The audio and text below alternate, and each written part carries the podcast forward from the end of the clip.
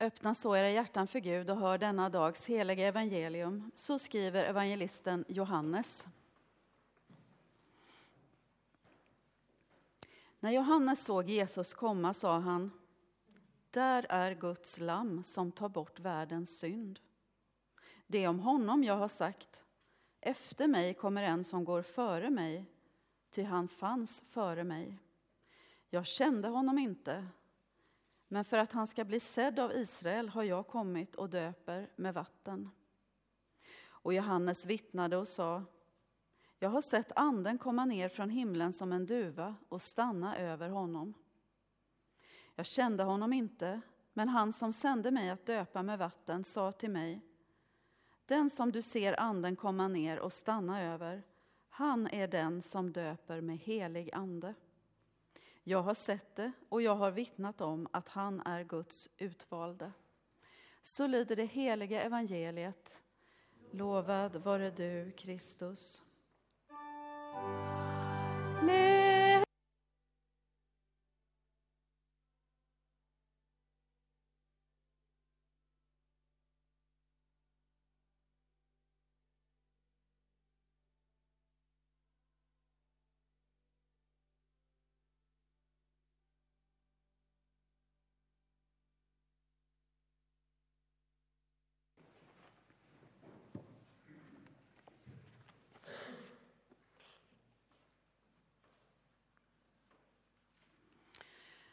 När vi kommer in i berättelsen idag, eh, Johannes skildring, så har Johannes döparen två gånger svarat nej på frågan om han själv är Messias.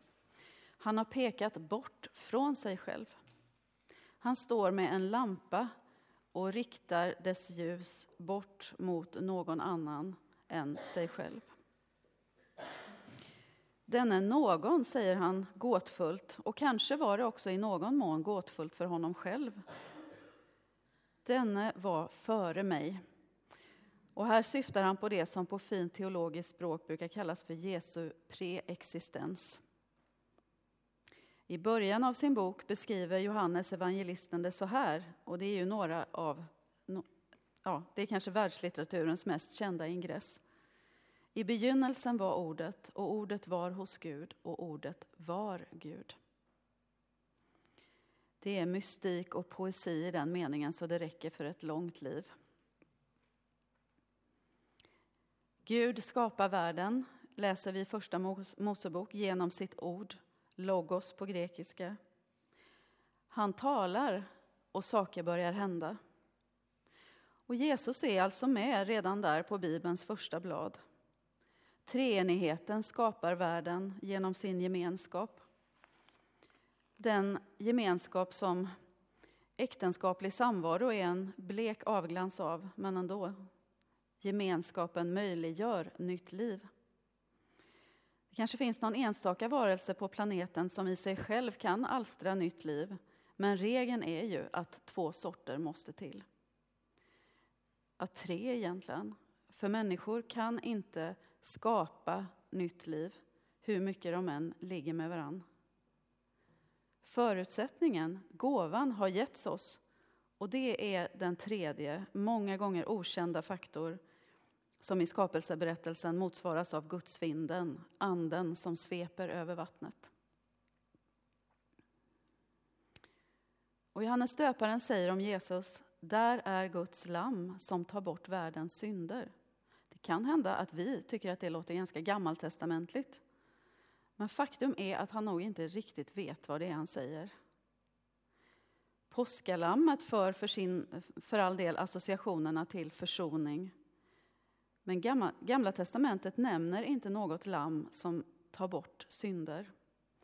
Visserligen talar Jesaja 53 om ett lamm som blev pinad för våra brott. Men där verkar betoningen ligga på våra här är det världens synder, ett märkligt och storslaget påstående. Och det har ju genklang i det kanske mest kända bibelordet av alla, också det från Johannes evangeliet.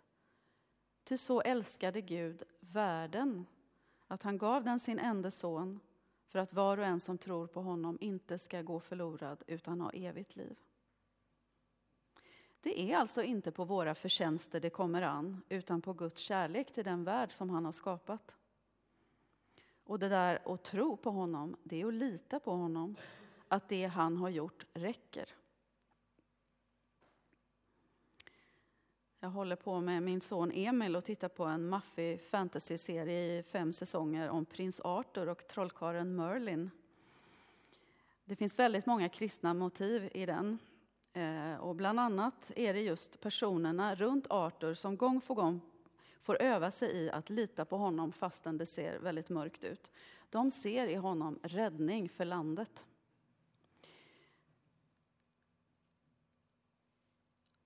Och när jag funderar på varför jag gillar den här typen av berättelser så tror jag en, ett drag eh, som jag tycker väldigt mycket om det är att det är så mycket i dem som liksom verkar förutbestämt och som man därför kan luta sig mot. Den kloka draken, Merlin, trollkaren, Gaius, den gamle läkaren. Alla vet att det är så att Arthur ska bli den där store kungen som ska ställa allt till rätta. Även de onda vet det och gör allt för att förhindra det. Och det sammanfattar ju världshistorien ganska bra. Merlin, trollkaren, han är lite grann som Johannes döparen. Han åstadkommer mycket i det fördolda men riktar alltid lampan mot Arthur, aldrig mot sig själv. Johannes döparen säger också om honom som ska komma, jag kände honom inte. Om man läser hela det här stycket från vers 19 så kommer det olika religiösa auktoriteter till Johannes döparen för att fråga ut honom. De vet inte heller, men i deras okunskap finns det ingen ödmjukhet, ingen nyfikenhet.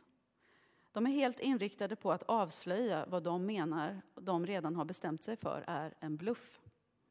De kan så mycket och ändå så är de slutna för Guds ord. Och jag tror att vi ska akta oss så att vi inte hamnar i den positionen. Att vi tänker att vi vet hur det är och att vi inte förväntar oss så där jättemycket av Gud eller är nyfikna på vad han skulle kunna åstadkomma. Vi har honom i en liten ask som vi plockar fram vid särskilda högtider. Johannes var ödmjuk nog att erkänna att han inte hade känt Jesus. Det är väldigt klokt att säga som det är. Men han fick också se något som pekade honom i rätt riktning. Han fick se duvan komma över Jesus vid dopet. Anden behövs för att vi ska kunna känna igen Jesus och känna igen Gud i Jesus. Hittills har jag ju sagt väldigt lite om dopet. Eh, I kristenheten så finns det två huvudsakliga uppfattningar om dopet. Den ena är att det Gud gör föregår allt som vi skulle kunna åstadkomma och därför kan vi också som små barn ta emot dopet.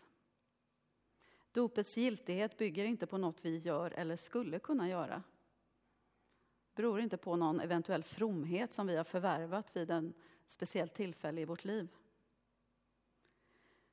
Och den andra uppfattningen är att dopet är en bekännelsehandling. Den enskilda människan säger till Gud nu tror jag på dig och jag vill bekräfta det.